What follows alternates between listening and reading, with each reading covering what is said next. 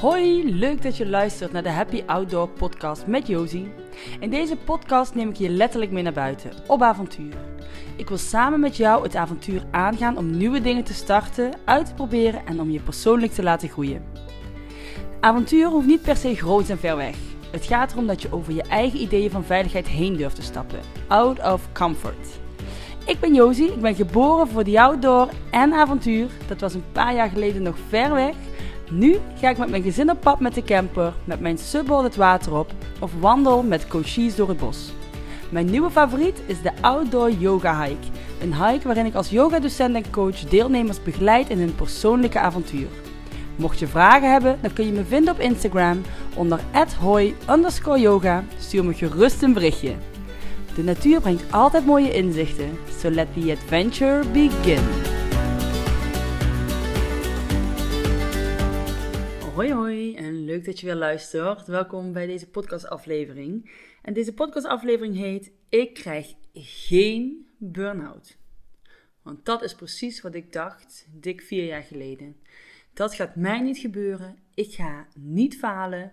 Ik ga niet mij laten klein krijgen. Dat gaat me niet gebeuren. Maar waarom? Hoe begon dat verhaal dan? Nou ja, als ik kijk ehm, in mijn hele historie van school, werken, is er eigenlijk altijd een rode draad. En die is: ik wil dat ook allemaal kunnen. Ik ga super hard mijn best doen. Ik ga me niet klein laten krijgen. Ik kan dat ook. Ik ben slim. Ik ben goed. Zie het alsjeblieft. En ik mag het niet verkeerd doen. Ik wil niet falen. Want dat is voor mij een enorm belangrijk woord. Helaas, want het brengt me heel weinig, maar het zit heel diep. Als ik terugkijk naar, ehm, ja, naar mijn basisschooltijd eigenlijk. Ik was echt zo'n dromer. Ik was echt zo'n kind dat gewoon graag wilde spelen, buiten wilde zijn. Um, een van mijn mooiste kinderherinneringen, mooiste is misschien overdreven, maar een, een, uh, een hele sterke herinnering die ik heb, die wel iets zegt misschien over mij, is uh, dat ik um, in onze woonkamer voor het raam zat. En we hadden tegenover het raam uh, het was een pleintje en daar stonden een aantal bomen. En ik kon dan echt in mijn eentje heel rustig naar die bomen zitten kijken. Hoe de bladeren bewogen, hoe de takken wuifden. En ik herinner me nog gewoon de stilte bij ons in huis. Ik kom uit een gezin met uh, drie kinderen. Ik ben zelf de jongste. En er was altijd wel wat te doen. Er waren altijd uh, kinderen spelen, of er was visite, of er was wat. Dus ik genoot echt van die kleine, stille momentjes bij ons in huis. Want aan de ene kant ben ik uh, iemand die houdt van actie, maar ik heb ook een hele sterke behoefte aan rust. En dat begin ik eigenlijk pas de laatste tijd uh, steeds meer in te zien, dat dat is wie ik ook als kind al was. Dus ik zat daar echt gewoon te genieten van de rust, de stilte. Even niks moeten, niks hoeven. En um, nou ja, dat, dat is gewoon een hele mooie herinnering die ik heb. Een andere is dat ik ook heel graag um, buiten aan het spelen was. En graag in bomen klom. En ook daar mijn rust vond. Op een tak kon ik uren zitten. Een beetje zitten kijken naar de auto's die voorbij reden. De mensen die voorbij wandelden. En dat vond ik, uh, ja, vond ik echt heel prettig. Maar goed, dat is natuurlijk niet wat je kunt doen in de klas. Als je dan naar buiten zit te kijken door het raam. Wel heel fijn, maar daar steek je weinig van op. Dus mijn schooltijd was uh, op zich prima. Ik was geen hele goede leerling. Ik was ook geen hele slechte. Ik zat een beetje in de middelmoot. En um, ik hobbelde er zo wel wat doorheen. Maar toen ik richting het einde van de basisschool ging, ja, dan moet je op een gegeven moment natuurlijk een kant op gaan. En ik had inmiddels wel in de gaten, mijn oudere zussen gingen allemaal naar een uh, middelbare school van MAVO uh, tot VWO. En nou ja, ik wilde ook naar die school uiteraard, want daar gingen zij naartoe. Dat werd, uh, daar werd over gesproken dat dat goed was, dat dat fijn was. En nou, dat moest mij ook gaan gebeuren, want ik wilde wel in hun voetsporen daarin. En ja, toen kreeg ik als een van de belangrijkste reacties van mijn moeder te horen: Ja, goed, als je dat wil, dat kan, want jij kan dat. Maar dan moet je niet alleen maar je best doen als je er zin in hebt, dan moet je dat elke dag doen. Nou goed, een dromertje als ik was, um, heb ik die knop omgezet en ben ik dat gaan doen. En lukte mij dat. En ben ik uiteindelijk naar de HAVO gegaan. Dus nou, dat had ik allemaal in de pocket. Dat ging goed. Um, maar ja, ook op die middelbare school, daar merkte ik al gauw, ik was geen uitblinker. Ik was echt zo'n typische zesjes, zeventjes uh, student. En ehm, nou ja, daar had ik ook altijd het gevoel van, ja, ik zit op de HAVO, maar het is maar de HAVO, het is niet het VWO, want dat is het hoogste wat je kan doen. Dus ook daarin had ik altijd het gevoel dat het toch net niet helemaal uh, goed genoeg was. En een van mijn interesses lag toch wel in het, um, aan de beta-kant. Biologie vond ik heel interessant. Uh, natuurkunde, scheikunde vond ik allemaal heel leuk en interessant. Het waren echte uh, nadenkvakken op een bepaalde manier en niet ehm, dingen uit je hoofd leren, want daar was ik helemaal niet goed in. Dus het was meer logica dan stampen. Maar ook dat ging mij niet vanzelf af. Dus ik heb best wel hard moeten werken om mijn, uh, om mijn uh, HAVO-diploma te halen. En op zich is dat allemaal helemaal niet erg, hè? maar het, hetgene wat daar in mij uh, omhoog kwam was het, de bewijsdrang dat ik dat kon. Dat is achteraf gezien zo'n rode draad. Ik wilde dat kunnen. Ook al zei mijn natuurkundeleraar, misschien is dit niet het vak voor jou, wilde ik dat toch bewijzen dat ik dat wel kon. Um, en ja, die drang, die drang om te laten zien, ik kan dit, ik hoor erbij, ik mag er zijn, nou ja, dat is echt iets heel belangrijks. En de tegenhanger daarvan is uiteraard het niet willen falen. Ik wilde niet dat het niet zou lukken, want dan zou ik afgaan, dan zou ik niet meer goed genoeg zijn. En wat moest ik dan? En terwijl ik op die middelbare school zat, had ik een vriendin die ging eh, naar de dansacademie. Nou, dat vond ik bijster interessant, super geweldig. En ehm, ik ben ook met haar mee geweest naar een open dag en ik was helemaal overrompeld van, wauw, wat is dit? Je mag gewoon de hele dag dansen en hoe tof is dat? En ehm, ik was zelf ook wel iemand die vooral hield eigenlijk van het bewegelijke stuk. Maar ik merkte ook dat daar enorm veel rivaliteit al was. Op zo'n open dag alleen al. Dat iedereen je aankeek met een bepaalde blik. En um, nou ja, daar ben ik gewoon enorm gevoelig voor. Dus ik merkte al gauw van ja, dit, ik, hoe tof ik het ook zou vinden. Nee, dit is niks voor mij. Hier moet je jezelf zo hard gaan bewijzen. Dat ga ik never, never, nooit niet doen. En um, nou ja, het is dus ook bij die open dag gebleven. Ik heb daar verder niks meer mee gedaan. Ik danste nog voor mijn plezier. En toen, um, ja, toen was dat dat. Dus wat ging ik dan doen met mijn beta-pakket? Nou ja, er waren een aantal dingen die, die de revue passeerden en wat uh, eh, HBO's gaan bekijken. En uiteindelijk ben ik bij de laboratoriumschool uitgekomen. Waarom? Nou, eigenlijk omdat ik de X-Files echt wel heel tof vond. En die deden ook allemaal coole dingen in het lab. Dus ik zou dat wel tof vinden. En ik wilde uiteindelijk eigenlijk naar het forensisch lab. Want dan ging je echt iets heel belangrijks doen. Dan ging je moorden en misdaden oplossen. En uh, nou, dat klonk toch wel uh, heel erg stoer in mijn ogen. Um, ja, dus ik ben het HLO gaan doen, maar dat eerste jaar ging behoorlijk stroef. Uh, opeens was alles in het Engels. Um, enorm dikke pillen, dikke boeken um, waar je doorheen moest werken. Ik was vooral geïnteresseerd in de biologische medische kant, maar het was vooral heel erg chemisch allemaal. Dus dat, uh, dat sprak mij ook niet aan. Dus dat eerste jaar was best wel zwaar. En de propeduizen heb ik toen ook niet in één keer gehaald. En toen weet ik nog dat een leraar tegen mij zei: Misschien, want ik was toen ook um, in die tijd heel veel bezig met muziek. Ik speelde in een band, dat was mijn hobby, mijn passie. En nou ja, daar ging ook heel veel tijd aan op. Toen zei hij nog tegen mij: Misschien moet jij maar naar de rockacademie gaan of zo. Want uh, dit is denk ik niet iets voor jou. Dat was toen net een nieuwe studie die geopend was. Nou, klonk allemaal interessant, maar ook daar te veel concurrentie, te veel spanning, te veel bewijsdrang. En dan ja, dan klap ik dicht. Dus dat was voor mij niet weggelegd. In mijn hoofd in elk geval. En ik had zoiets van, ja, maar jij zegt dat nu wel, dat ik dat niet kan. Maar ik ga je eens bewijzen dat ik dit wel kan. Want hoe meer iemand zegt dat ik iets niet kan, hoe harder ik de drang voel om te bewijzen dat ik het wel kan, dat ik het waard ben. Dus ook daar ging ik weer volle bak er tegenaan. Met de enorme spanningsmomenten af en toe tijdens de tentamenweken. Waarin ik mezelf echt... Uh, ja, volledig opsloot om te studeren en mezelf echt uh, helemaal gek maakte eigenlijk. Seintjes genoeg misschien voor mij destijds om te accepteren dat dit misschien niet mijn richting was. Maar nee hoor, ik ging vooral door.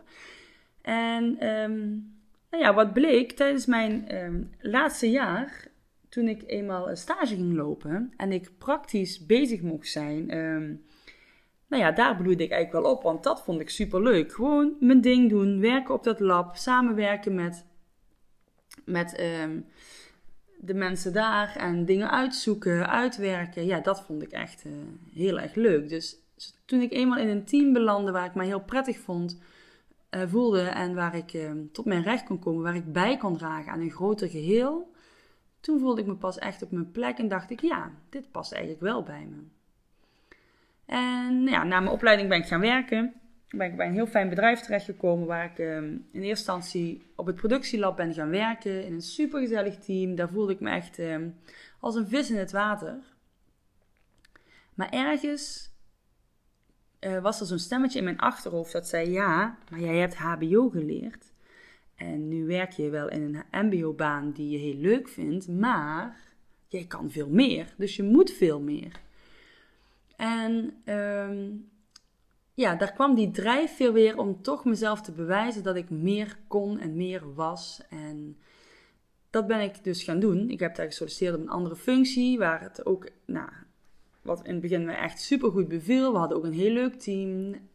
En er was een saamhorigheid, er was teamwork. En dat, dat merk ik, dat is voor mij gewoon heel belangrijk. De setting. Maar dat veranderde. Want de, het team werd, moest steeds meer expertise krijgen. Er kwamen steeds meer um, hoger opgeleiden. Het werd steeds individualistischer. Iedereen ging zijn eigen pakje aandoen. En ja, de sfeer op de afdeling veranderde. Waardoor ik mij daar steeds minder op mijn plek voelde. Want het was, ging nu alleen nog maar om, om het product dat ik afleverde, om mijn kennis. Ja, en als ik ergens onzeker over was, dan was het over mijn kennis en kunde. En hoe meer daar um, ik daar solistisch op moest werken en hoe meer ik daar uh, voor, alleen voor stond, hoe moeilijk ik dat vond. Ik voelde me ja, gewoon niet prettig. Ik voelde me zo ja, eenzaam eigenlijk in die baan. Dat dat voor mij het teken was van ja, maar dit is niet wat ik moet doen. Ik vind juist dat andere stuk, het samenwerken, met andere mensen werken, uh, vond ik super leuk.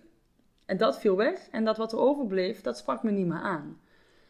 Dus toen ben ik binnen het bedrijf gaan switchen naar een andere functie, waarbij ik juist meer met mensen te maken had, maar een totaal andere baan, totaal andere verantwoordelijkheid. En ook daar, vanaf het begin, voelde ik dat het schuurde. Want uh, daar werd veel van je gevraagd. Uh, letterlijk, van alle kanten kwamen vragen. Het was een hectische baan. En hoewel ik aan de ene kant meer uh, afwisseling wilde in mijn werk ten opzichte van de vorige baan, gaf dit zoveel onrust dat ik dat rustmomentje voor mezelf om gewoon na te denken over dingen niet meer goed kon vinden. Er was te veel hectiek, te veel mensen die dingen van mij vroegen, te veel um, uh, manieren van communiceren waar ik heel gevoelig voor was. En ik merkte dat ik steeds meer terug in mijn schulpje begon te kruipen. Terwijl ik eigenlijk had gedacht dat dit mij juist zou laten opbloeien. Dus ik ging harder werken, harder mijn best doen, nog meer laten zien dat ik dat wel kon. Terwijl eigenlijk diep van binnen ik voelde dat, dat ik doodongelukkig was in dat werk.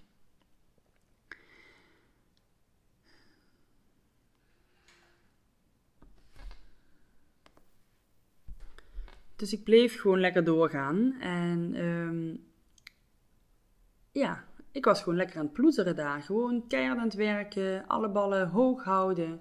En dat had tot gevolg dat ik vaak s'avonds nog aan het werk was. Um, inmiddels was ik ook uh, moeder geworden. Dus ook die bal wilde ik daar nog bij hoog houden. Een verantwoordelijke baan. Vier dagen in de week werken. Vaak nog in de avond erbij om alles gedraaid te krijgen. En moeder van een jong kindje. Dus dat was, ja, dat was best wel veel bij elkaar. En ik vond van mezelf dat dat moest lukken. Anderen deden dat ook. Waarom lukte mij dat dan niet? Mij zou dat ook lukken. Dus ik heb zo hard um, me verzet tegen het feit dat dat niet goed was voor mij, dat ik het op een gegeven moment niet meer zag wat er gebeurde. En zo ben ik, um, nou ja, twee jaar doorgegaan.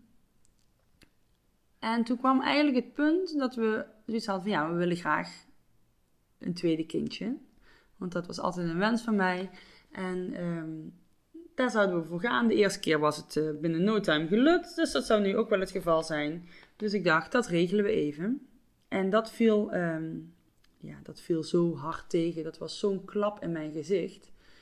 Dat, dat dat helemaal niet zo was. En dat dat niet lukte. En nou ja, het eerste jaar is dat dan nog oké, tuurlijk. Je moet er de tijd voor nemen, de rust voor nemen. Dat heeft zijn tijd gewoon nodig, dat is normaal. Maar ja, nadat dat jaar om was, toen begon het bij mij wel ehm, ja, extra spanning te geven. Mij extra onrustig te maken. Dat ja, maar wat als dit niet gaat lukken? Wat als dat tweede kindje er niet komt? Dus dan, ja, dan ga je toch een bepaalde eh, fase in die helemaal niet prettig voelt. En waarin je eigenlijk steeds meer verwijderd raakt van jezelf, van je eigen lichaam. En ik had in die tijd ook op een gegeven moment steeds minder afleiding. Dus ik was aan het werken of ik was aan het zorgen. En, en dat was het. Er was geen ruimte meer voor mezelf. Er was weinig ruimte meer voor hobby's. Weinig ruimte voor uh, contact met vrienden. Tuurlijk, we hadden af en toe wel wat dingen afgesproken. Maar dat was dan nog extra ertussen gepland. Zodat ik er eigenlijk heel weinig van kon genieten. Ik had het gevoel dat ik aan het overleven was. Maar het overleven van wat? Het overleven van werken. Het overleven van moederschap. Ja, dat zijn toch eigenlijk gewoon dingen waar je niet van moet overleven. Ik bedoel, ik zat niet in hongersnood. Er was geen oorlog. Er was geen, hè, niks ernstigs aan de hand, zullen we het zo maar noemen. Dus, dus ja, hè, wat stelde ik mij toch aan? Dat was eigenlijk het gevoel wat ik had. Dus ik ging gewoon lekker door, lekker ploeteren. En um, op een gegeven moment merkten we ook dat, ja, dat, dat de vakanties die we hadden, um, hè, want ik ging graag altijd op reis, dat doe ik nog steeds graag, maar toen voelde het echt als een vlucht. Vluchten weg van, van, van alle hectiek van alle dag. En toen we in maart 2016 op vakantie waren in, um, in de Canarische eilanden, dat was het. Ja, toen, ehm, toen hadden we een week vakantie en het was echt letterlijk een vlucht weg. Weg van de hectiek, van de stress, van het onzekerheid en het verdriet, van het niet ontvangen van dat tweede kindje. En we zaten daar op dat eiland en ik was fysiek aanwezig, maar mijn hoofd was volledig afgeschakeld. Ik was, ik was niet aanwezig in mijn volledige zijn. En ik zat zo erg vast in mijn kronkelgedachten, in mijn hoofd, dat ik dacht van ja, maar het moet allemaal lukken en ik, ik moet dat kunnen in die baan en ik wil het kunnen, en, maar het voelt niet goed en dit is eigenlijk niet wie ik ben en maar wat moet ik dan? En ik zat zo in die, in die, in die molen van denken dat ik gewoon niet kon genieten van het feit dat we op een prachtig eiland in de zon zaten te genieten van een luxe vakantie. Ehm, omdat ik eigenlijk alleen maar niks wilde. Ik wilde rusten, ik wilde slapen, ik wilde niks. Achteraf had ik misschien al een burn-out, wie weet. Maar ik, had, ik hield mij heel sterk vast, want ik mocht niet falen. Dus als ik een van de dingen niet wilde, dan was het dat. Ik wilde niet mijzelf overhoop rennen en thuis komen te zitten. Want dat zou voor mij de aller, aller, allergrootste afgang zijn. Het bevestiging dat alles wat ik wilde, dat ik dat niet kon. Dat ik niet goed genoeg was. En dat ik volledig gefaald had, gewoon in leven. En ik bedoel, ja, dat kan toch echt niet. Um, dus ik wilde daar niet aan toegeven. En terwijl ik volgens mij echt op het randje stond om om te vallen, heb ik voor mijzelf toen een besluit genomen dat het moest stoppen. Dat dit niet meer kon. Het besef dat ik gewoon op vakantie was, maar daar nog geen seconde van echt heb kunnen genieten, dat was voor mij de druppel. Want als dat moment mij al niet meer even terug op de plek kon brengen, even rust kon brengen, ja, wat, wat was er dan nog wel?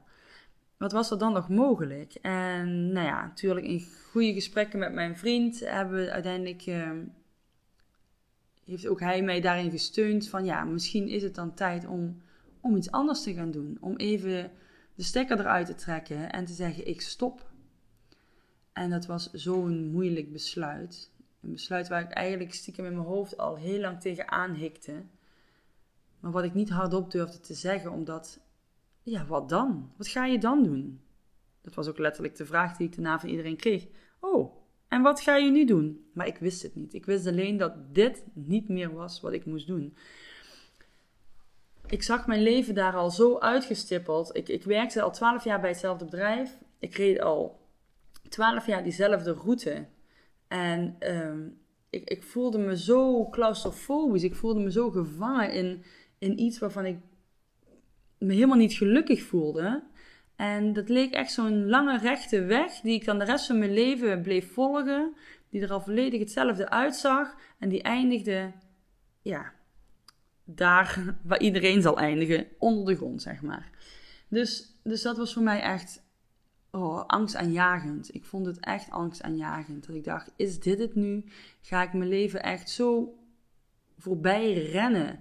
In stress, in spanning en uh, in een werk wat eigenlijk niet helemaal bij me past. Of eigenlijk helemaal niet. En het was niet dat het allemaal zo erg was, maar ondertussen, ik kon gewoon de rust niet meer vinden. Voor mij was het op dat moment zo erg. En um, er werd gewoon te veel van me gevraagd. En uiteindelijk was degene die dat deed, ikzelf.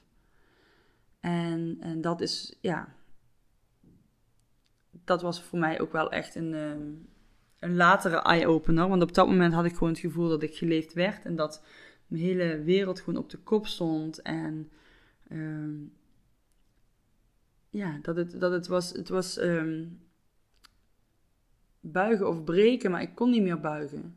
Dus ik moest, ik moest stoppen. En uh, dat heb ik toen ook gedaan. Dus na de vakantie heb ik mijn uh, ontslagbrief ingediend. En dat was zo'n zwaar moment. En het was echt, ja, toen ik dat met mijn uh, manager ging bespreken, dat was, het voelde echt alsof ik een relatie verbrak.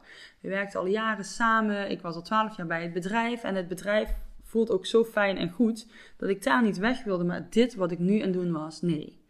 Dit was het niet. Ik wilde meer rust, meer vrijheid, meer balans. Meer dingen doen die bij mij passen dat het, er moest gewoon eerst even een break komen, een stop. En ik had zoiets van, nou, ik ga me er niet onder laten krijgen. Ik ga niet met een burn-out thuis zitten, dat wil ik gewoon niet. Ik wil met een opgeheven hoofd weg kunnen gaan. Dat als ik me over een jaar misschien beter voel en ik wil daar weer terug, dat dat ook gewoon weer kan.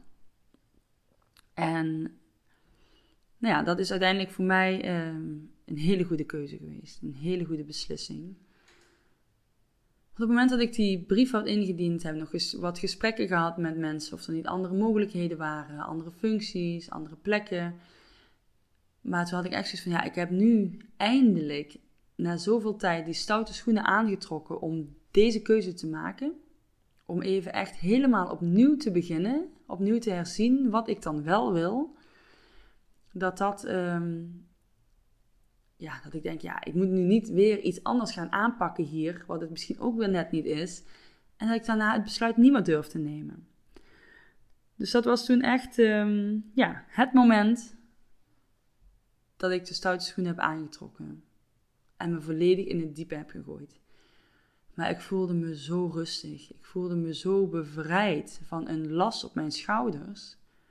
Dat ik daarna ook gewoon echt fluitend naar het werk ging. Want toen opeens was het allemaal niet meer zo erg en was het allemaal niet meer zo zwaar. En kon er eigenlijk niet meer zoveel misgaan.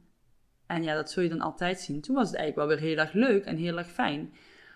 En achteraf weet ik ook gewoon dat het niet per se alleen het werk was en de setting en de mensen waar ik misschien af en toe mee in conflict was of dat soort dingen. Het was vooral een heel groot stuk bij mezelf. Een heel groot stuk, maar ja, toen ik eenmaal die knop om had, toen ja, voelde het allemaal gewoon een veel stuk lichter. En ik moest er nog volgens mij twee of drie maanden werken, uitwerkperiode zeg maar. En nou ja, dat, dat ging fluitend, hartstikke leuk, vond het super fijn. Ehm, ik kreeg ook voor het eerst soms van bepaalde collega's waardering te horen waarvan ik niet eens wist dat hij er was. En nou ja, dat gaf me, dat, ik voelde me gesterkt in mijn besluit. En dat was heel fijn. En die rust die dat opleverde, de rust in mijn hoofd, de rust in mijn lichaam, zorgde ook voor dat ik toen eigenlijk twee maanden nadat ik uh, mijn ontslag had ingediend, ik zwanger werd. En toen dat gebeurde, dat was voor mij echt ja, zo'n bevestiging van het universum, van de wereld, dat, ja, dat dit voor mij de juiste keuze was. Er zat zoveel spanning in mijn lijf dat er gewoon helemaal geen ruimte was voor datgene wat ik zo graag wilde. En pas toen ik echt het besluit had genomen, ja, pas toen, pas toen kwam wat ik wilde. En dat was zo'n belangrijke leerschool. En af en toe loop ik daar nog steeds tegenaan. Maar op het moment dat jij volledig in de kramp zit, in het verzet zit tegen dat wat er is, dan is er geen ruimte voor iets nieuws. Want je zit in de weerstand. Je zit niet in het ontvangen, maar je zit in het blokkeren van alles. Dat van wat je niet wil, maar ook dat van wat je wel wil. En ik ben van daaruit ja, langzaam mijn pad gaan ontvouwen eigenlijk. Ik heb eerst gewoon lekker vakantie genoten. Mijn dochter was toen 3,5. Dus ik had een half jaar de tijd om met haar gewoon te genieten en te spelen. Um, voordat zij naar school moest gaan, ik ben uh, allerlei um, gesprekken aangegaan. Ik wilde eerst richting het onderwijs. Ik ben wat meeloopdagen gaan doen op het um, MBO, HBO. Uh, op een middelbare, of, uh, ja, middelbare school. Ik ben ja, allerlei gesprekken aangegaan met mensen van ja, wat wil ik dan, wat wil ik dan? En uh, ik had voor mezelf ook een opleiding gepland, een lang weekend, een yoga latus opleiding bij Pura Yoga in Roermond. En gewoon voor mezelf als cadeautje. Normaal had ik daar geen tijd voor, dan moest ik of werken of ik had tijd nodig voor, voor mijn dochtertje, want dat was allemaal dan niet in balans. En nu was er opeens ruimte voor, want ik was toch alle dagen thuis, dus dan was het ook niet erg als ik een paar dagen weg was. En daar, ehm, ja, daar voelde ik me ook echt zo prettig. Ik vond het zo leuk om iets nieuws te leren. Ik voelde het zo fijn om die verbinding weer terug te maken met mijn lichaam. Om weer in gevoel, eh, verbinding te komen met mijn gevoel dat ik dacht, ja, hier wil ik meer van. Niet eens direct om daar mijn werk van te maken, maar wel om, om die verbinding met mezelf aan te gaan. Want ik, ik voelde me weer terugkomen. Ik had echt eh, de jaren dat dat speelde zo het gevoel dat ik mijn vrolijke, bubbelige, gezellige zelf kwijt was geraakt. En dat ik veranderd was in een of ander chagrijnig, uh, krampachtig monster. Ja, dat was gewoon niet wie ik ben en ook niet wie ik wilde zijn. En ja, toen die rust kwam, die tijd kwam, eh, die verbinding kwam met mezelf en mijn gevoel, toen kreeg ik mezelf weer terug.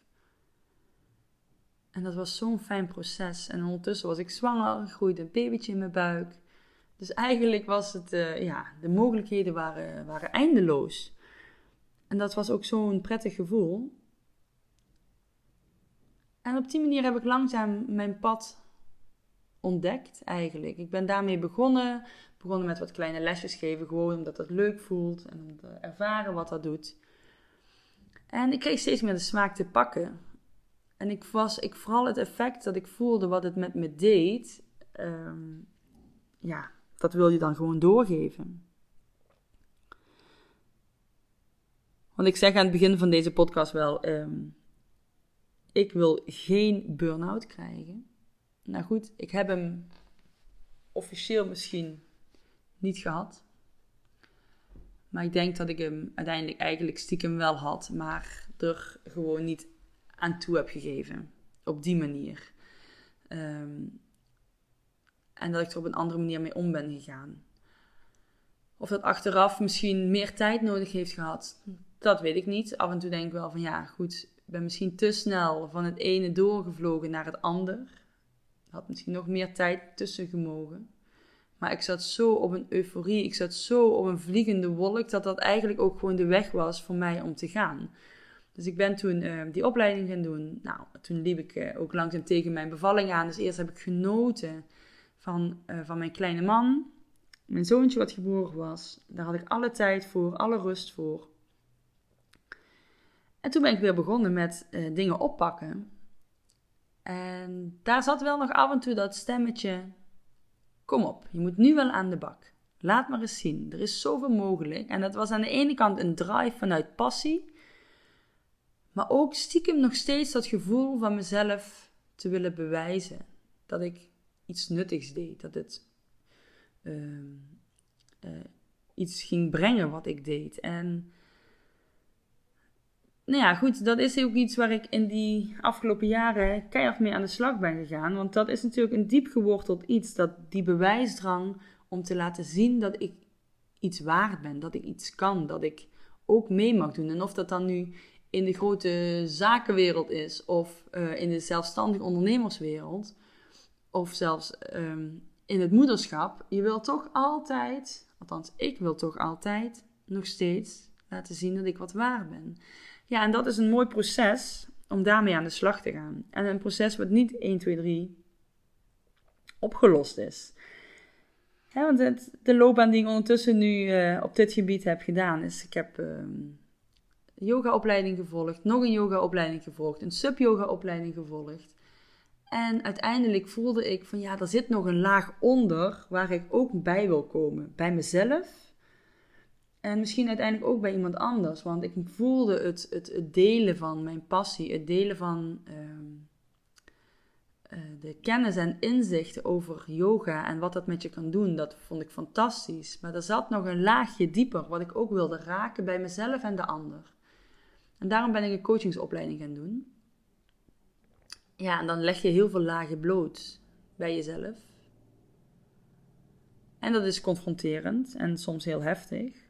Maar het levert ook zoveel mooie dingen op. Want ja, door die inzichten kun je daar iets mee. En dat, dat is een proces waar je elke dag bewust of onbewust mee bezig gaat zijn. En um, dat is een proces wat nog steeds aan de gang is. Ik bedoel, ik merk dat af en toe nog steeds bij mezelf dat je eh, tegen dingen aanloopt, dat er struggles zijn, dat ik toch het gevoel heb dat ik misschien niet goed genoeg ben. En denk ja, daar heb je haar weer. Daar is het kleine meisje weer wat zich zo graag wil bewijzen. Het meisje wat zo graag erbij wil horen. Wat zo graag met de grote mee wil doen. En... Maar wat heeft ze eigenlijk nodig? Ze heeft nodig om in haar boom te zitten. Ze heeft nodig om achter het raam naar buiten te kijken en te dromen. En dan moet ik me dat ook echt gunnen en geven.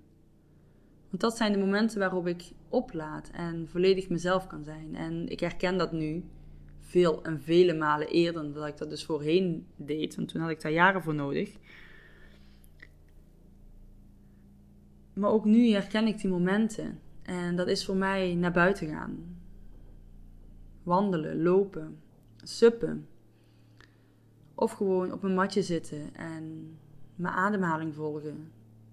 Mediteren.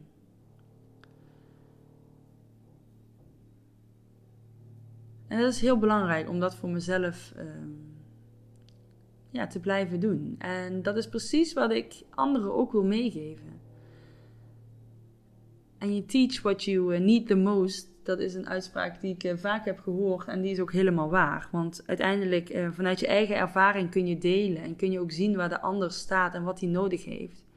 En ondanks dat ik zelf nog in mijn proces zit, nou ja, dat is oneindig. Ik bedoel, dat is een proces waar je je hele leven mee bezig bent. En ja, dat hoort er gewoon bij. En dat mag ook zo zijn.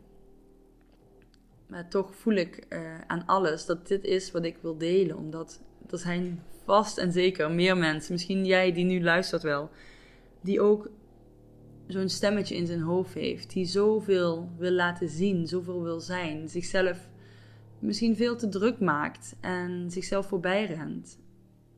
En die het nodig heeft om iemand te hebben naast zich. Die daarin begeleidt om weer wat rust en kalmte terug te brengen. Je terug bij je eigen gevoel en kern te brengen, zodat je ook van daaruit kan voelen wat je nodig hebt en wie je mag zijn. En wie je eigenlijk ook daadwerkelijk bent. En van daaruit is mijn missie gegroeid. En dat wil ik doen door middel van yoga. Dat wil ik doen door middel van buiten zijn in de natuur. Om met mensen in die bomen te klimmen, bij wijze van spreken. En ik hoop uiteindelijk zelfs de bergen in te kunnen gaan. Want ja, ik merk gewoon aan mezelf dat in de natuur ik echt, echt tot rust kom. Hoewel ik jaren de afleiding heb gezocht in de stad, wat misschien ook hoort bij een leeftijdsfase uiteraard, ehm, voel ik dat er nu nog meer behoefte is aan rust. En wil ik dat meisje weer die plek geven achter dat raam. Gewoon omdat ze daar nodig heeft, daar zin in heeft, dat nodig heeft. Sorry voor mijn Nederlands, ik spreek, verspreek me af en toe. Maar ehm, ja, en ik vind het zo mooi om, om tijdens mijn lessen, wandelingen, maar ook op het water, te zien hoe mensen dat raakt om eigenlijk zoiets simpels als te verstillen en vertragen. Hoe sterk ze dat nodig hebben en hoe moeilijk dat we dat vinden. Dus dat is wat ik jou ook gun. Dus ik hoop dat je daar iets mee kan. En, en al ga je gewoon elke dag even een blokje om van 15 minuten of een half uur. En neem je gewoon de tijd om even te lopen, te bewegen, tot rust te komen. Ja, dat doet zoveel. En ga ook dan niet de afleiding zoeken. Um, maar ben eens alleen met jezelf. Hoe spannend het ook lijkt, het levert zoveel op.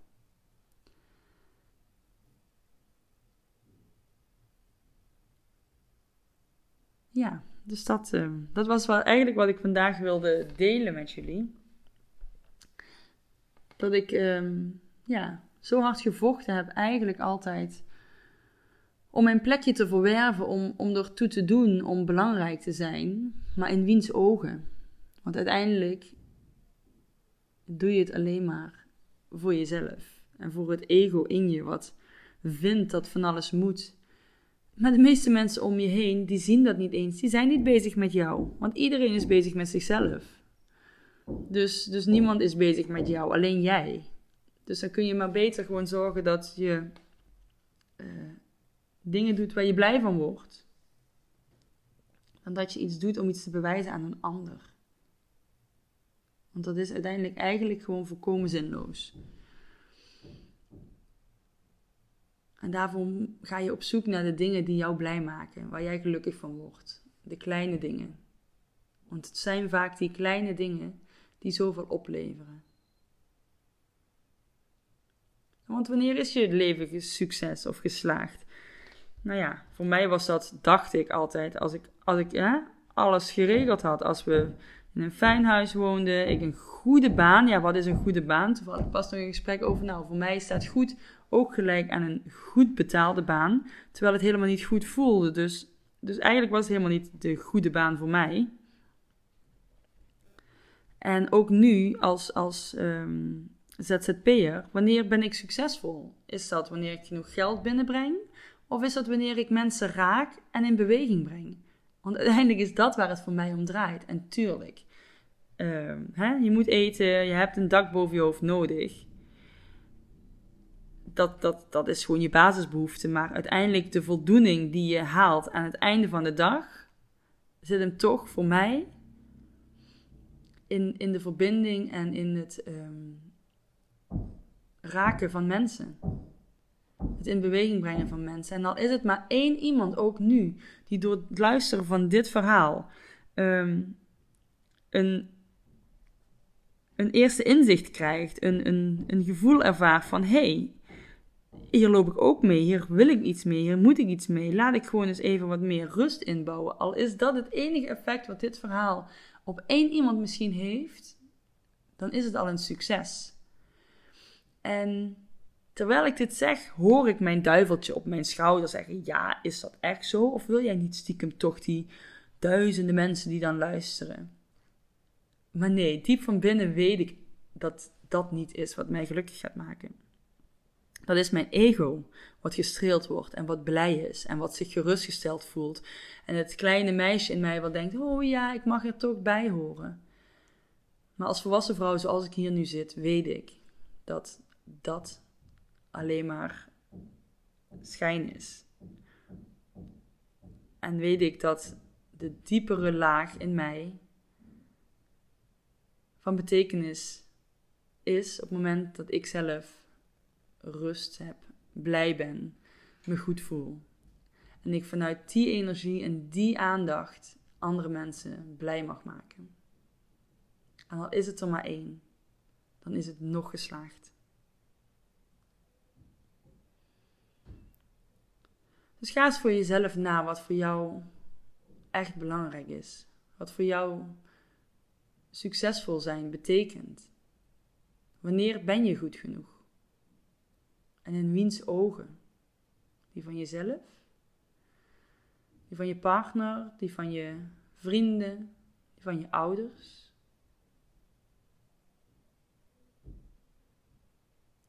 Waar heb je die bevestiging nodig? Van wie? En is dat echt het belangrijkste? Dus met die boodschap wil ik je achterlaten. ik zou zeggen, als je aan het lopen bent, loop nog even lekker verder. Geniet van de natuur om je heen. Ben je thuis? Ben je niet aan het lopen?